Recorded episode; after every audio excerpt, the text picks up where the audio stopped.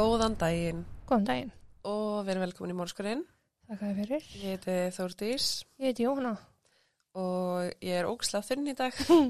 Þannig að fyrirfram afsækja ef þátturinn verður eitthvað klúður. En ég ætla bara að vinda með beint í málið. Yes. Lee, ok, þetta er L-E-I-G-H. Lee. Já, Lí.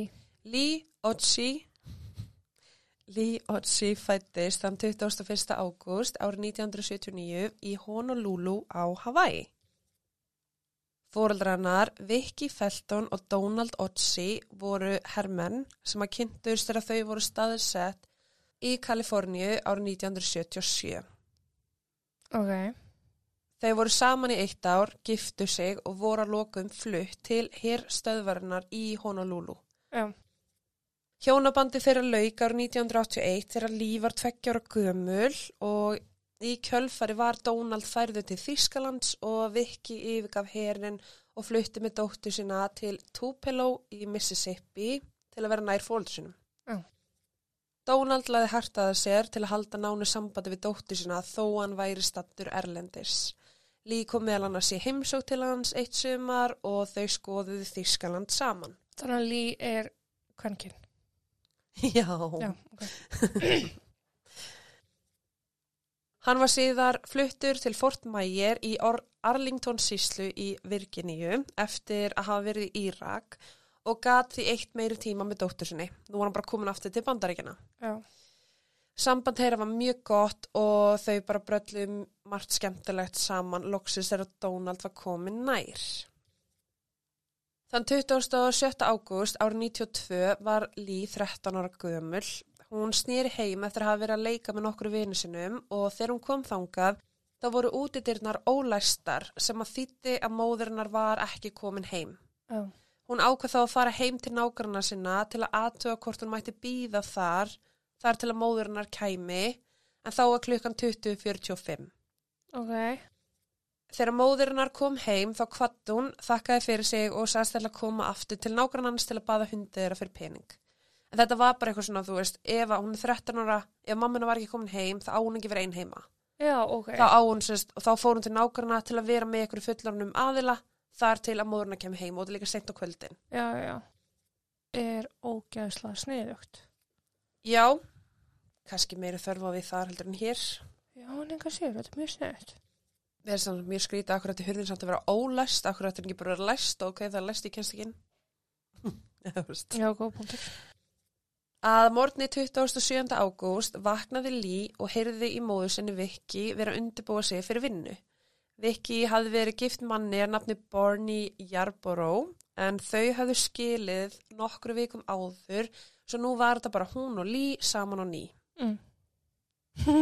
Vá, bara hann ljóskald.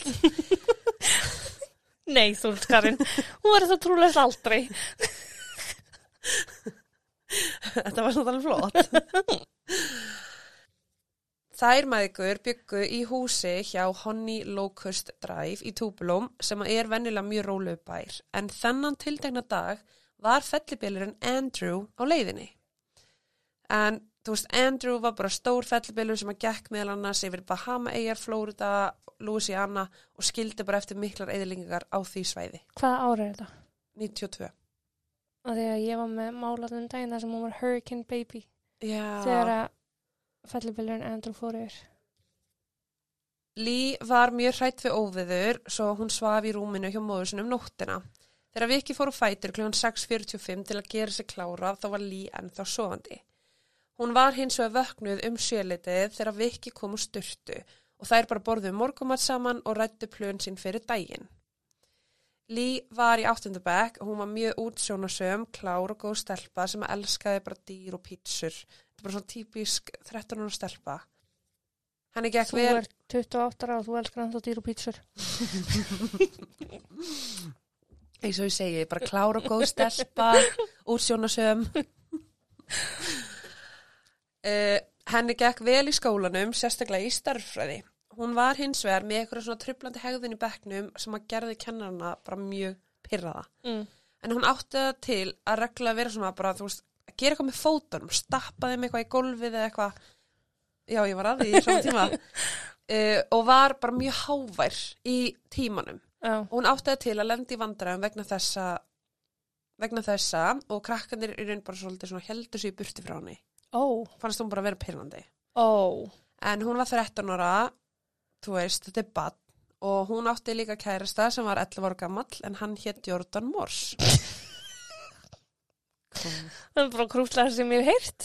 Já uh, ég vona ef ég segi þér eitthvað krúllit að þú hlægir ekki alltaf á mér Það er bara eitthvað, hún átti kærasta sem var 11 ára. Já Það er mjög krútlegt. En þau voru sko í sikkur skólanum og þau töluðu saman í gegnum síma. Já. En þennan sama dag þá var Lí að býða eftir ömmu sinna afa en þau ætluðu að fara með henni á opið hús í skólanum sem er sérst bara svona það er öll, öllum er velkomið að koma, Já, já, já. þú veist. Eftir það ætluðu þau að hitta Viki og borða með henni á Taco Bell. Lee var því ein heima án eftirlits í fyrsta skipti og fellibillurinn Andrew var náttúrulega bara að koma en með honum fylgdi mikið óvör og rigning. Þegar Viki mætir í vinnuna um morgunin að þá er hún búin að vera í eitthvað tíma þegar hún ákveður að ringja í dóttur sinna bara til að aðtöfa með hana. Þú veist, Já. hún veit að hún er ein heima býð eftir ömmu sinni og það er vond veður. Mm Viki var búin að segja við Lee að hún ætlaði sérst að ringja tvisvar og skella á til að láta hann vita að þetta væri hún. Þetta er bara að gefa henni svona kóða. Mhm. Þannig ef símur ringir og ringir svo aftur að þá er þetta mamma og ég má svara símanum. Að því hún á ekki verið að svara símanum, hún sé ein heima, Já, já. einhver annar sé að ringja. Áttu hann að svara í annarskipti eða þriðaskipti? Hún átti þá að svara sérst í annarskipti. Já, ok. Hún gerði það en það svaraði enginn símanum. Hún reyndi að ringja nokkur sinnum í viðbót en það var bara skilaði engum árangri. Viki yfirgaf því vinnuna sína í snatri til að fara heima aðtöfa með dóttir sína. En þegar hún kom þangað þá var lík hverki sjáaleg og Viki tók strax eftir blóðfari á ganginum og það voru litlir blóðpollar á teppinu. Nei. Nei. Új. Þetta var alltaf gerast millir 7.35 og 8.35 eða sérst bara klukkutíma. En þegar að Viki kom heim þá tók hún eftir því að bílskúrshurðin var opinn og ljósin voru kvikt. Og þetta er eitt af svona ljósum sem að kvikna þegar hurðin opnast. Já, já, ok. Viki hljópinn og bara leitaði um allt svæðið, kallaði á dóttir sinna en það var bara ekkert. Hún var hvergi sjáanleg. Blóðpollar fundust fyrir utan dyrnar og hurðarkarminum og það var líka blóður náttkjóll á staðnum.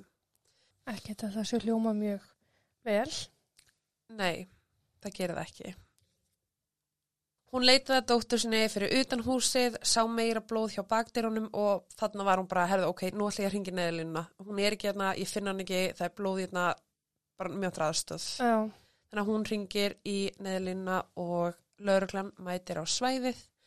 Lauruglan fann engin merkjum einhver hafi brotist inn til þeirra og þeir fengur sérst svona blóðleitarhund Mm uh, til að fara um hverfið og bara þefa og aðtöga hvort það væri einhver slóð mm. frá henni. Lauruglan skoðaði nærliggjandi skurði, skólendi og tún en það bara var ekkert að finna og þessir hundar fundu enga lykt. Þeir gáttu ekki sagt til um að hvert líf fór þegar hún fór út úr húsinu. Ok. Lauruglan vissi ekki hvort það þýtti að Lí hefði raun og veru ekki verið á sem slóðum eða hvort að rigningin hefði mögulega skóla burtu lyktina. Já. Þess eins gæti að verið að einhver hafa bara tekið hann beint upp í bíl Mm og þá var engin lykt. Þeir leituðu einhvern radíus í kringum húsið og lögðu sérstaklega áherslu á að leita á sérst, 80 hektara skólendi sem var bak við húsið. Það voru skoðaðar allir urðunarstaðir og var meðal annars bílfjörskildunar tekið inn til að afla sönnagagna. Lauruglan fann ummerki af blóðun hennar lí á bæðarbyrginu og það var augljóst að það var einhver sem að reynda að þrýfa borplötuna þar sem að var svona blóðkáma mm. skilin eftir. En tuska eða hanglaða hvað sem var notað fannst aldrei. Það er ljóst að það var eitthvað notað til að þrýfa. Gæti náttúrulega líka verið náttkjólinn, hann var blóður. Já, nákvæmlega. Það var blóðslóð sem hann lá frá ganginum að stofunni og bæði hár og blóð var fast við hurðakarminn sem að bendi til þess að Lí hafi mögulega verið slegin í höfuðið í átökunum vegna þess að nú var svona rót af hárun hennar að finnast. Já, ok. Það vantaði nokkra hluti í húsið en það var meðal annars skótnirinnar, stuttböksur, nærföld sem hún hafði nýverið fengið, glerugu og sveppóki. Þegar blóði náttslópurinn var sendur í greiningu að þá var talið sérst út frá honum að Lí væri líklega með háls eða höfusár, sérst bara með hvar blóði var staðsett á honum Já. og blóði var að gerðinu og sem að passa við blóðina Lí. En sko þetta er á þeim tíma þar sem að ég held að sé ekki að gera nákvæm samsörun. Nei, bara blóðflokkar hans og... Já. Tali var að Lí hafi fengið höfuhögg og hún hafi leigið á teppinu í stofunni í stuttan tíma áður en hún var færið til. Faðirinnar, Donald, var í hernum og hann fekk símtal dægin eftir að Lí kvarf. Hún var því veitt tímabundi leifi frá hernum en hann taldi raun bara Lí hafi flúið að heiman í fyrstu þar sem að Viki var ekkert að segja honum einhverjar upplýsingar. Ok. Svo hún sérst hringdi í hann var bara herðu, Lí er ekki hérna, hefur þið heyrti henni? Nei, ok. En hún var ekkert að segja honum frá því að það var blóð sem að fannst á vettvangi og hún er horfin. Ó, Þannig að hún leti þetta svolítið líta bara út eins og hún hefði bara stungið af og Donald bara eitthvað, ok, ég, ég verða að fara heim og leita dóttur minni. já. En vissi í raun ekki alveg líka málsins. Ó, shit. Kærasti Lee, Jordan, hann ringdi í húsið um kvöldi sem hún hvarf og hafði í raun ekki hugmyndum að hennar væri saknað. Hann sagði að Viki hafi svarað í síman en hún sagði ekki mikið svo hann þurfti raun að heyra fréttunar bara frá sinni fjölskyldu. Hann sagði að laurglann hafi aldrei rætt við sig sem að honum þótti mjög undarlegt, sérstaklega sem að þau voru í sambandi og stöðugt höfðu verið að spjalla saman. Já. Hann er alltaf 11 ár. Það er kannski ekki alveg verið að fara að taka hann í einhverjar yfirheyslunir á stöð. Ég ætla rétt Það að er alltaf, makki er alltaf skoðar sko, en kannski ekki þegar út 11 ára. Ég held að það sé svona, ég held að það sé lín, lína dregin þar. Já. Þann 1. september fór lauruglan yfir svæði til að kanna hvort einhver hafi séð eitthvað óvinnilegt daginn sem á hvarfi átt sér stað. Það hefði enginn séð neitt eða heyrt neitt og því miður voru bara flestir íbúar að búa sig undir stormin. Þannig að það var enginn eitthvað að fylgjast með hvað var að gerast. Það var enginn á gangi á veginum fyrir utan.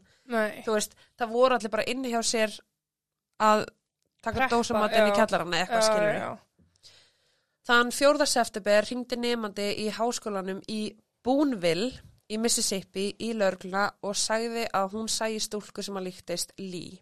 En þarna var bara búið að setja myndir af henni út um allt. já. Ok. Stúlkan satt inn í vörubíl við McDonalds en þegar lörglan kom á vettvang þá var bara ljóst að þetta var ekki hún. Mm. En þetta var í Boonville. Við skulum muna það. Ok, búin vel. Þann 9. september fekk Viki pakka í póstinum sem var stílaður á B. Jarborough sem er sem stjúpfæði Lí. Já. Viki og Barni höfðu náttúrulega nýlega slitið samvistum og það var í raun ekkert svona heimilisvanga pakkanum til að endur sendan Nei. en inn í honum voru sérst glerugun hennar Lí. Já. Það var leitað eftir fingraförum á pakkanum, það fundist ekki nein og frímerkið hafði verið bleitt með vatni þannig að það var ekki, þú veist, að finna einhverja við lífsinni. Já.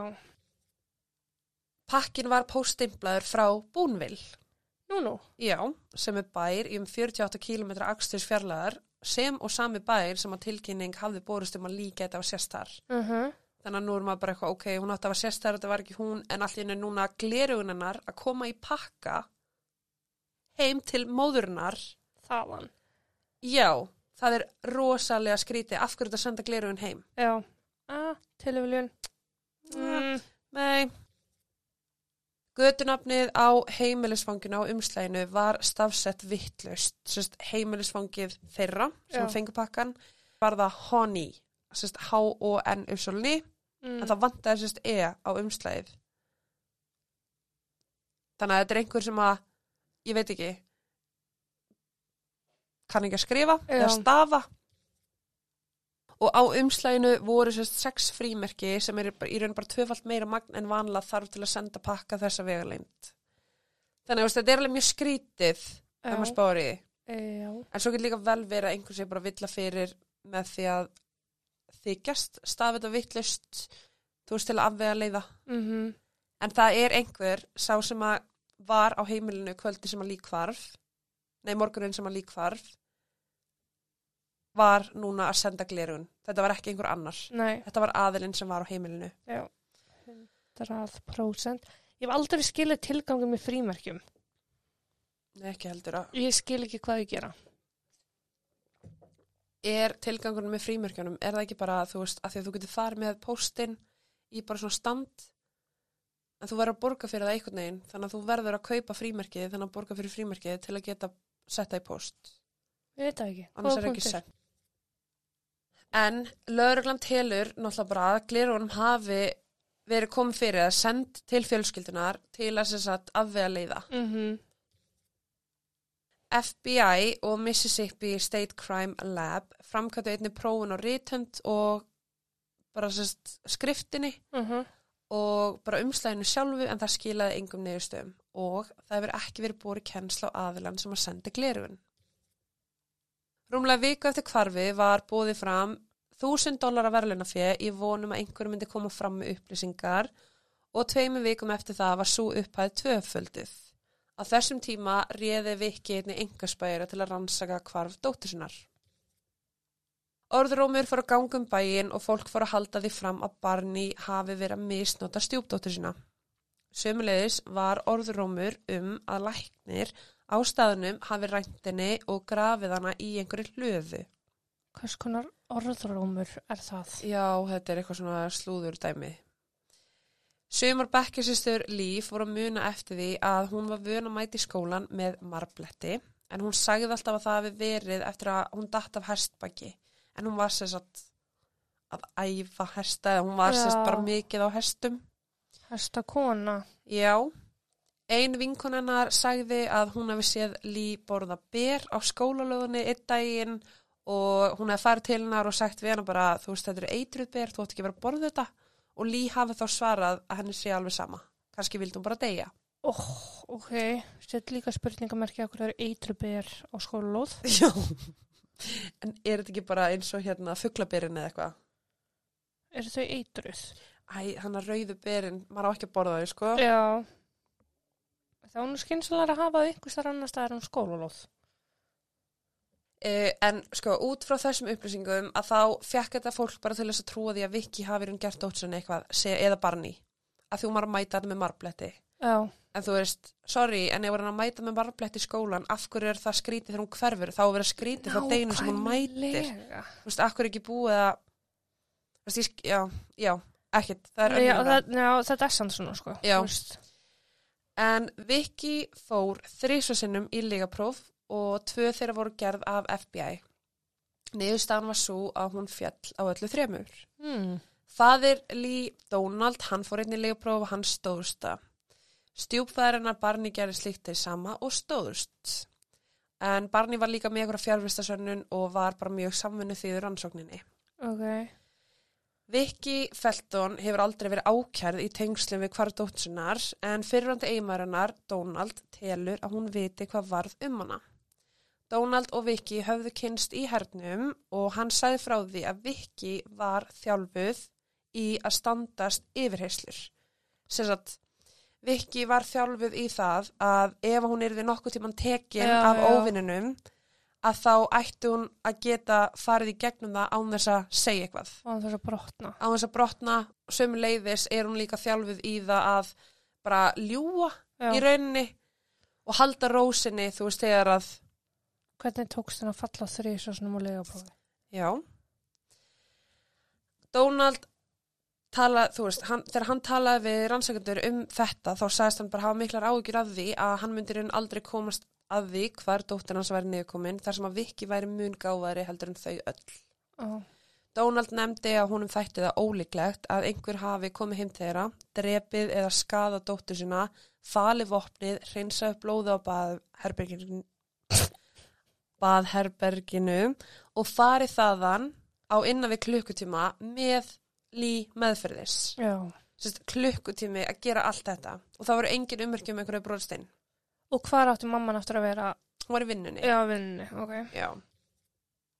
Honum fannst einnig skríti að þetta myndi gerast á fyrsta og eina deginum sem að Viki hafði skilið lí eftir eina heima.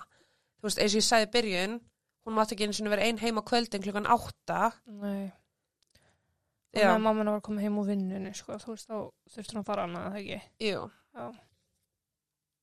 Hann telur að Viki hafi myrt Lee kvöldið áður og logi til um tímalínuna eða að einhver fjölskyldumæðlumur sé viðriðin hvarfið og það sé sérst eitthvað tengt Viki eða Barney. Hann hefur í raun bara unnið hörðum höndum í að tryggja að fólk gleym ekki máli dóttur sinnar og þú veist, hann er bara búin að vera prent út myndir af henni, dreifa þeim í strætu að fyrirtæki og er búin að vera að kasta fullt af blöðum til vörubilstjóra sem eiga leið hjá og Já. þeir fara áfram Já, og þú veist, bara vekja aðtikla á því að hún er ennþá týnd. Hann sendi einnig upplýsingar til National Center for Missing and Exploited Children og Child Quest. Hann leitaði líka til miðils til þess að fá aðstofið málið og allir þessir miðlar hafa greint frá því að vatn komi við sögu. Ok. Áræðilegt, veit ekki, Samt þegar eru fleiri en einn og fleiri en tveir og allir segja saman hlutin, já, þá finnst mér að hlæja, stundu finnst mér samt líka eins og sé bara verið að fyllir viðnar. Já, já, já. En um, lögreglan hefur í raun ekkert endilega talað um Viki sem einhvern grunan aðila en hún er bara eina mörgum, þú veist þetta er bara algjörlega Lí hefur sérst ekki fundist. Nei. Er þetta manns hvar fýblið eitt Já, 13 ára barn? já, Takk fyrir að skemma dæmun. það er að því. Segir þú með þín, þitt mál í gær? Já, það var gær. Nú er nýr dagur. Nýr dagur, já, einmitt. Um, jafnvel þó að nokkri hlutir við söguna, söguna gangi ekki alveg upp, Mm. sérst með viki, fjár, uh, hana, lígaprófið og allt þetta, Já. þá var blóði ferst og það var ekki byrjað að storkna þegar að lögreglan kom á vettvang. Já, Þannig að hún hefði ekki getað drepa hana kvöldin áður. Nei. Og þá talað um, þú veist, að blóðið hafði ekkit verið þetta mikið lengur en, þú veist, bara þessi klukkutíma rammi. Já. Þannig að ef hún hefði átt hlutamáli þá hefði hún haft mjög litin tíma til að drepa dóttursuna og fylga líkið en hún, hefði haft klukkutíma til þess í raunni. Viki hafði sínar eigin kenningar um hvað var um dótturinnar. Hún taldi að Óskar Kearns, sunnudagsskóla kennarin í Holy Trinity Lutheran Church, væri sá seki. Lik, Likki, Likki og Vi, Viki og Lý sóttu þessu sömu kirkju og Óskar var einnig með hesta í sama hestahúsi og Lý. Já. Stundu fóru þau í túr saman, sérst Óskar og Lý. Reyðtúr. Já, Já, á ok. hestbæki. Já. Ok, Já. já. Viki telur að þessi kenning hennar sé svo rétta vegna þess að hún, þessi kenning myndir henn útskýra hvers vegna það var engi sem að bröstin á heimilið. Lý hafði einfallega opnað dyrnar fyrir einhverju sem hún þekkti og hefði hleyft inn til sín. Já. Mögulega líka haldið þetta að vera ammanur og afi, að Já. banka. Þannig að þú veist, það er ekkit óvennilegt að hún hefði opnað hurðina. Nei. Hér reyðtúr. Ríðum og ríðum og regnir sandin. Ríðum sem að láta Jónu syngja hverjum einasta þætti hérna frá. um, þessi kenning er ekki eins langsótt og hún geti hljómað því að nýju mánum eftir hvarf uh, Lee þá rændi Óskar 15 ára stúlku í Memphis í Tennessee sem hann hafði hitt í gegnum kirkjuna. Hann nauðgaði henni og skilaði henni síðan aftur í skólan. Að lokum játaði hann að hafa nauðgaði henni þegar hann var handtekinn og var dæmdur í 8 ára fangilsi en aðplánaði einungis fjórum árum og var sleppt í oktober árið 97. Tveimur árum síðar rændan pari þar sem hann nauðgaði eiginkonni. Hann satt inni í 20 ár til viðbútar fyrir þessa glæpi og hefur bara neitað alltaf að ræða við laurugluna eða FBI um hvarf lí. Þannig bara, nepp, segi orð. Ok, málið er sér að list. Nei, vegna þess að hann lést í mæ árið 2021. Já, ok, hann er ekki að fara að játa neitt, en sterkur Hann kandidat. kemur sterklega fram. Já, 14 mánuðum eftir hvarf uh, Lí fannst höfukúpa í sojaböuna akri og var strax talið að hún tilheyrði Lí. Embætti ríkisleiknis notaði ekki nýjustu tannleiknaskíslurnar hennar Lí í fyrstu og þeir voru bara eitthvað þú veist, ok, þetta er hún, þetta er hún, þetta er hún. En það var tilkynnt fjóruðum síðar að mistök höfðu verið gerð og höfukúpan tilheyrði í raun 27 ára konu sem hafði verið saknað en hún hétt Pollyanna Sue Keith. mm. Í ágúst ár 97 sagði lauruglan að þeir væru með grunan aðila í málinu en sá aðili var ekki nefndur ofinberlega. Mörgum árum síðar var gerð leit að nýju í bakgarðinum heima hjá þeim og í ljós kom að á þeim tíma sem að lík farf þá höfðu framkvæmdir verið á sérst, einhver svona frárensli frárensli Mm. en talið var að líf væri grafin þar en það var þetta opingröf á þeim tíma sem hún hvarf. Ok. Hann er sérst verið komið hana fyrir, svo mæti bara ykkur verkamenn daginn eftir og svo grafa, grafa, grafa. Já. Hins vegar þá voru hundarfengnir til að þefa svæðinu og það fannst ekki lykt. Þannig að það, þú veist, það kom ekkit í ljós með þetta. Í samtali við hlaðvarpið Open, The Case of Lee Otzi, sagði garðvirkju eigandi að hún hafi séð eitthvað undarlegt morgunin sem að lík farf. Hún óg á Honey Locust Drive og sá Karl og konu ganga með fram veginum í úrhellisregningu.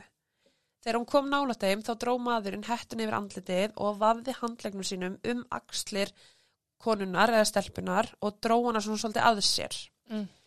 Þegar konan leiti upp þá virtist hún hvorki vera slösunni hrætt. Konan ætlaði að bjóða þeim far en ákvaði að sleppa því þar sem hún fekk bara einhver svona ónota tilfinningu. Það fannst það bara ekki að skríti. Það er stormur í aðsíi, Já. það er úrhellisregning og þeir eru bara að ganga Já, mitt. þú veist og sko þegar þessi kona heyrði af hvarfi lí þá hringdi hún í laurugluna og henni var bara sagt þú veist ok geggjað fyrir þessu ábyrtingu við munum hei, hafa samband við þig en það var aldrei gert Já. maðurinn sem að hún sá var lágvaksinn þykkur með grátt hár, skegg og var í grænum herjekka og það var ekki fyrir enn í september ára 2016 sem að rannsakadur tóku niður vittnisspurðarnar sem er raun bara 24 árum eftir hvarf lí þannig að auðvitað varð ekkert úr þessu. Nokkrar að kenningum í þessu máli og við skulum hafa í huga að mikið að segja líka sögusagnir, Mhm. orðurómur fer á stað og allir ásaka alla og engi við neitt. En sem sagt, fyrsta kenningin er náttúrulega bara kenning Viki um að Óskar hafa átt þátt í hvarfi lí. Hann átti hræðilega fortíð, hann bjó nálægt lí, hún þekkt hann og hún hefði opnað dyrnar fyrir honum ef hann hefði komið heim til hennar. Já. Viki heldur því fram að hann hafi byrjað að haga sér undarlega í gardinar eftir að lík hvarf. Hann var meðal annars að forðast auksamband og fór að mæta óbúðin heim til hennar sem var eitthvað sem hann gerði ekki áður. Hann er náttúrulega vinnur í kirkjunni og er kannski sína stöðning en þú ert kynfyrirsafbrotumæður, þú átt ekki að vera sína stöðning sko. Nei. Verð þú bara í þinni hólu. Mm Þannig að þú veist, Ekki vinna í kirkju að þú ert kynfyrsafbrotumæður. nei, Eða með börnum almennt. já, nei, ekki þar heldur. Nei. Lörglan í Tupelo og FBI þeir reyndu ítrekka ræða við Óskar um hvarf lí og voru bara svolítið mikið að þú veist, hei, segðu þetta bara. Já. Þú veist hvað er, þú veist hvað er að fara að breyta núna, þú ert komið 20 árið, þú veist hvað sem er að fara að sitja inni. En hann var bara mjög fljótur að næla sér í lögfræng, neytar að ræða við þá og notaði bara tagnaregluna og hann hafði á einu tímapunkti, þú veist, lögreglan hafði náða að tala við hann og einhvern veginn hafði hann sagt við bara ég skal alveg fara í lífapróf en lögfrængurinn hans var fljótur að skjóta þessu hugmyndir. Þannig að það var aldrei gert og við vitum ekkert hvort að hann, að því að hún hefur aldrei fundist. Mm Það er ekki að skoða lífsinni eða eitthvað á henni til að bera við hann. Númer tvö er bara vinsal kenning meðal íbúa Tupelo að Viki hafa átt þátt í hvarfi dóttur sinnar. Orðrómur um meint óbeldi hennar í garð dóttur sinnar er helsta sönnun þess og bekkjafélagar segja að hún hafi regla mætt í skólan. Bara mjög döpur var ímest með glóðuruga eða marbletti. Ó. Sumir hafa velti fyrir sér hvers vegna Viki fór svona fljótt úr vinnunni daginn sem að lík hvarf og hvort hún gæti að myrt hana áður en hún ringdi í laurugluna að tilkenna hana týnda þar sem að blóði var ekki storknað. Mm En þú veist, Viki vissi að Lí var að býja eftir ömmu svona afa. Þannig að hvers vegna fríkaði hann út um leið og Lí svara ekki símanum. Gæti ekki verið að ammenar hafi verið komin fyrr, sótt Já. En hún bara strax fór í eitthvað svona mót og bara, ég, herri, ég, ég þarf að fara. Já. Það tók hana einni 15 mínútur að ringja í laurugluna eftir hún kom heim. Eins og ég sagði hann, hún var að ganga um, hún var að leita henni, sá blóð hér, sá blóð hér, sá blóð hér, sá blóð hér og 15 mínútur síðar er hún að ringja í laurugluna. þú veist, sko, ég skil alveg að það er kannski, ef ekkert þegar fundist heimilinu, hún vildi kannski ekki alveg æsa lögreglum strax, já, já, en það er blóð, þannig að sama þótt að lí sé heima hjá okkur eða ekki, það er blóð mm hringd í lögregluna, nákvæmlega. Þú veist, það er að fyrsta sem hún gerir um leiðu sér blóð, þó Mhm. svo að lí sé inn í herbyggi, hver er útskýringin á þessu blóði, nákvæmlega. Þannig að þú veist, það eitt og sér skrítið. Hún hafði náttúrulega líka látið fyrirhandi eigimann sinn trúa því að Lí hafi bara flúið og var ekkert að lýsa alvarleika málsins. Viki sá dóttur sína síðast í náttslopp þegar hún fór út úr húsinu en hann fannst náttúrulega alltaf út í blóði. Hún gati henni sagt nákvæmlega frá því hvaða flíkur vantaði hennar. Þannig að lauruglan á því í hverju líf var þegar hún sérst hvarf mm. en hún vissi meira að segja í hvað nærbuksum hún var í þú veist já, ég veit ekki Sko ég er stór efast það að mamma mín að pappi hafi vita í hvers slags nærbuxum ég var þegar ég var 13 ára. Veist- En ég veit alltaf í hvað nærbuxum 7 ára dóttur mín er í að því ég læti hann fá þar á hverju mótni. já, en að þú klæðir hana ekki Að þannig alltaf myndi ég ekki hafa hugmyndum á sko. nei, þú veist, hún er 13 og hún klæðir sér sjálf Já, en þú veist, það var samt tala um að það voru eitthvað nærbuksur sem hún, hún var nýbúin að fá og að því að þær, þessar nærbuksur fundist ekki heima að þá hafi móður hann gett ráð fyrir því já, ok. en síðast þegar hún sá hana þá var hún í sérst, þessum náttslopp en hún vissi samt nákvæmlega í hverju hún var hvað föt hún fór í En veitu, af hverju var hann í náttslopp? um morgunin Já, þegar hún fór um morgunin. já, Ég ætlar ekki að tala um að hún hafi verið í svona náttslopp. nei Nei, ok. En það er samt þar með sagt að hún var í náttslapnum þegar það var ráðist á hana Mhm. af því að hann er blóður. Já, Þannig að þá spyrir maður sér líka ok, af hverju vantaði hinn fötin já. Nákvæmlega. ef að hún var í, hvað, var hana, hún fór í náttslapnum og klætti sér svo, eða þú veist, af hverju van- vantaði hinn fötin ef hún var í náttslapnum þegar það var hana. Það meikar ekki sens nei. ef maður því. En það lítur kannski betur út að lýsa eftir einhverju mannesku í bláum buksum heldur en að lýsa eftir mannesku sem er nakin, ég veit það ekki. Mm, Sumar sögursagnir uh, benda í áttina stjúpföðuli, Barney, Sest, fólk hefur haldið því fram, hann hafi verið bráðbeldisfullur í garð Lee og fjölskylduvinur sagðist hafa heyrt frá atviki að Barney hafi sleið Lee eitt skipti. Jordan hafði einnig sagt að Barney hafi eitt skipti læst hana úti sem refsingu og hann sagði að Lee hafi sagt sér að hún væri mjög hrætt við stjúpföður sinn þar sem að hann væri alltaf hana. Hún hafði hringt í Jordan grátandi og þetta var í eina skipti sem hún myndist á einhverjar heimiliserjur í síman við Jordan. já, Donald sagði einu sinni að lauruglan hefði sagt honum að Barney hafði játað að hafa misnóta lí en rannsóknar lauruglumæðurinn sem vann að málnu sagðist aldrei að fundin eina vísbendingar um, mis, um að misnótkun hafa átt sér stað. Þannig að þetta var svona, ok, einhver sagði þetta en hann var samt ekki sagt þetta og þetta var örgulega bara eitthvað misskilningur sem var í Mm. gangi. Og Viki hefur bara sagt, komið fram og sagt bara að Lí var ekki hrætt við Barney og hann kom ekki illa fram við hana. það er bara, ég held að þetta sé svona aðstæðnar, það er mjög auðvelt að benda fingrum akkurat svona undir þessum kringstæðum. Já og þú veist, ok, hún alltaf var að koma að marinn og eitthvað í skólan en hún var líka á hestum og hún átti alveg til að detta hestbaki. Sko, stelpunar mínar, lappirnar á þeim er eitthvað annað. Þær eru eins og skemmtur banani. Já, nákvæmlega. Eða þú veist, bara Og börn það er- yfir höfuð. Að það er ekki að því ég er að leggja hendur á börnum mín, sko, það er bara, þær eru á hausnum allan daginn, allan daga, sko. Já. Þannig að þetta þarf ekki alltaf að vera beintengt yfir á að eitthvað eigi sér stað. Nei. Þetta er gott að hafa varna og fylgjast með. Hund og alltaf, ég myndi frekar vilja að barnavöndanefnd myndi koma til mín af því einhver hefði áhyggjur af dæturum mínum vegna marbletta Mm heldur en að vita til þess að einhver, þú veist, að barnavöndanefnd fara ekki og kíki á einhvern með barn sem hefur að leggja hendur Já. á skilju hvað Já, við ég er sammála. Já, Fjórða kenningin og ég raun bara síðasta kenningin er nágrunnin. En Lý hafði farið til hans kvöldi áður Mm. á meðan að móðir hennar var ekki heima og hún hafði verið þar að spjalla við hann og sagt meðal annars hún ætlaði að koma aftur síðar að gefa hundinum bað eða sérst Já, að já. baða hundin og hún náttúrulega vissi að hún átti raun ekki að vera ein heima það var óður getur verið að hún hafi e, eitthvað að tala við nákvæmnan, látið vita hann að hún var ein heima eða nákvæmnin hafi séð þetta tækifæri því að hann sér náttúrulega Mhm. Viki fyrir vinnuna, Lí er ennþá heima. Já, sé það tækifæri í að bara gera eitthvað, ó, eitthvað viðbjóð.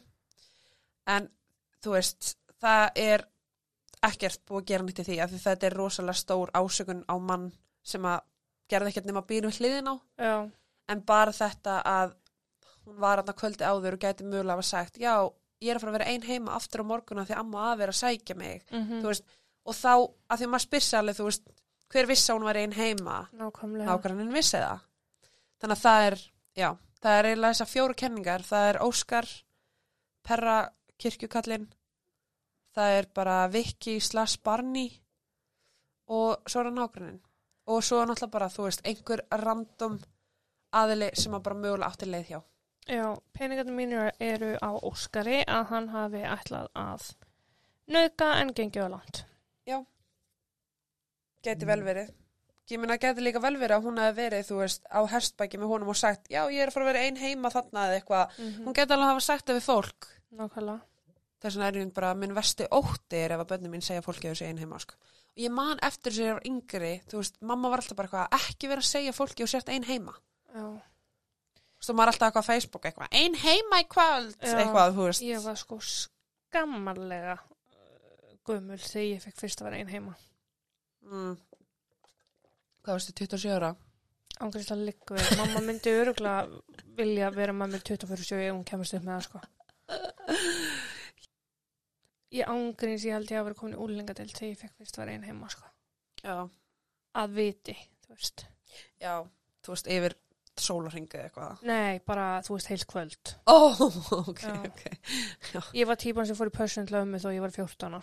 já, ég er endar amma bjóði hliðina á Já. mér þannig að ég hoppaði yfir no problemo sko ekki nóg með það að sýstir mömmu bjóða líka og herri svo bjóða líka bróðir mömmu sem götu. Veist, þetta var bara, Í sömu götu bara í húsinu bara. ég er að segja vil ég ekki bara kaupa alla götuna Já, þú veist í góðum höndum. já. Mál Lí er náttúrulega bara kalt í dag en því er samt ekkert lokið. Viki hefur náttúrulega ráðunar engaspæra Lí er ennskráð sem tínd manneskja í gagnagrunni lauruglu og DNA-prófíl hennar hefur verið sérst hlaðið upp í ákveðin gagnagrunn innan lauruglunar Já, þannig að ef að einhver finnst og það er samsvörun að þá er strax, já ok, þetta er hún skilur Já. þannig að það búið búið að þú veist gera það verkum að það þarf ekki að skoða hennar DNA við hvert og eitt þetta er bara komið inn í kerfið já, ok.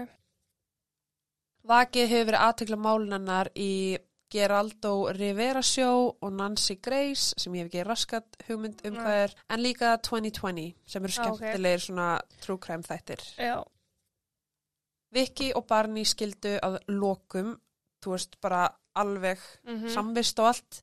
Uh, nokkrum árum eftir hvarfið, Barney lést í desember ára 96 og Vicky flutti kjölfari til Tecumseh í Michigan.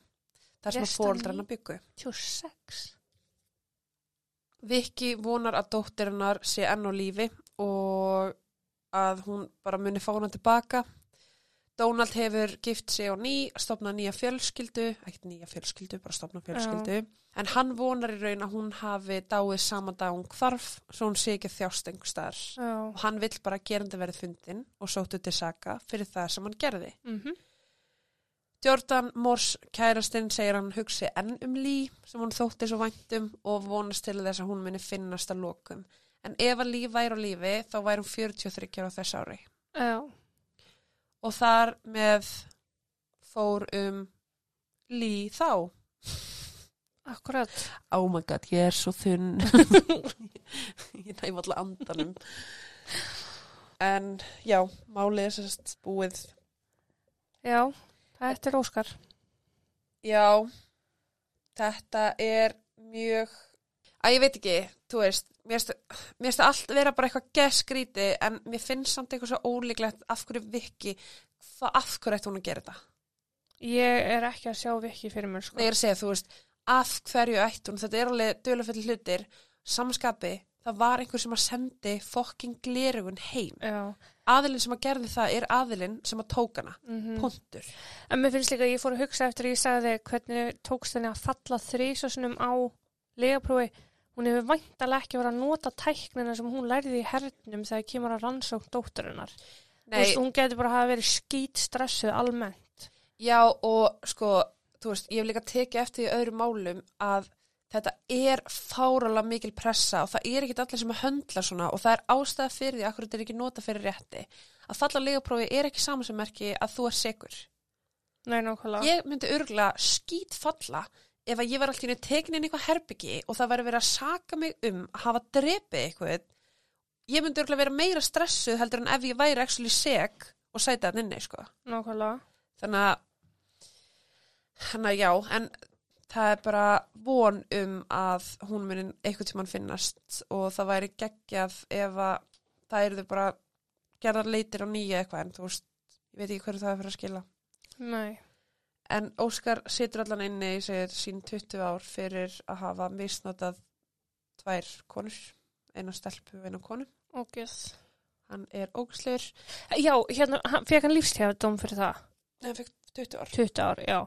Hann myndi aldrei viðkynna á sig þá málið hennar lí að því að bætist þá við. bætist við. En ég var að hugsa, ef hann hefði fengið lífstjáðdóm þá kannski, þú veist, skipti ekki máli. Þá myndi hann bara koma en- fram með. En svo líka, þú veist, hefur kannski ekki, ég veit ekki, ok, mynduru, hann setur henni í 20 ár, Mm ef þetta væri þá mögulega morðingi batsistins, mynduru, þú veist, vilja gefa honum, bara segja við hann, við munum ekki sækja þetta saka, af því þú setur hvað sem er inni í 20 ár, þú munt ekki fá með lengri dóm, að þú segir mér hvað hún er. Já. Og hann segir hvað hún er, en hann er þá laus eftir 20 ár. já, 100%. Og hafa hann lausan og vita hvað dóttið hann er, Mhm. skilur 100%. Þannig að þú veist, þeir hefðu mögulega geta gert eitthvað svona, Mm ég veit ekki hvort þeir gerðu það en ég minna langt best Bara fá að bara frið helgi gegn málunum hennar bara til þess að fá að vita hvað barnið er, skilur já líka því að sko hann neitaði aldrei að hafa gert neitt. Hann neitaði að svara, hann neitaði að tala sem er ekki sem grunsamlegt. lögfræðing. Þú veist, hann sagði aldrei bara nei ég er saklaus, hætti þessu. Þú veist, hann bara sagði bara, nip, Mm I ain't talking to you. Sem er náttúrulega frekar grunn só, sko. mm en það var ekki meira í þessu máli í byli Nei, nei. ég bara segi þá bara takk í dag takk og bless og þar til næst.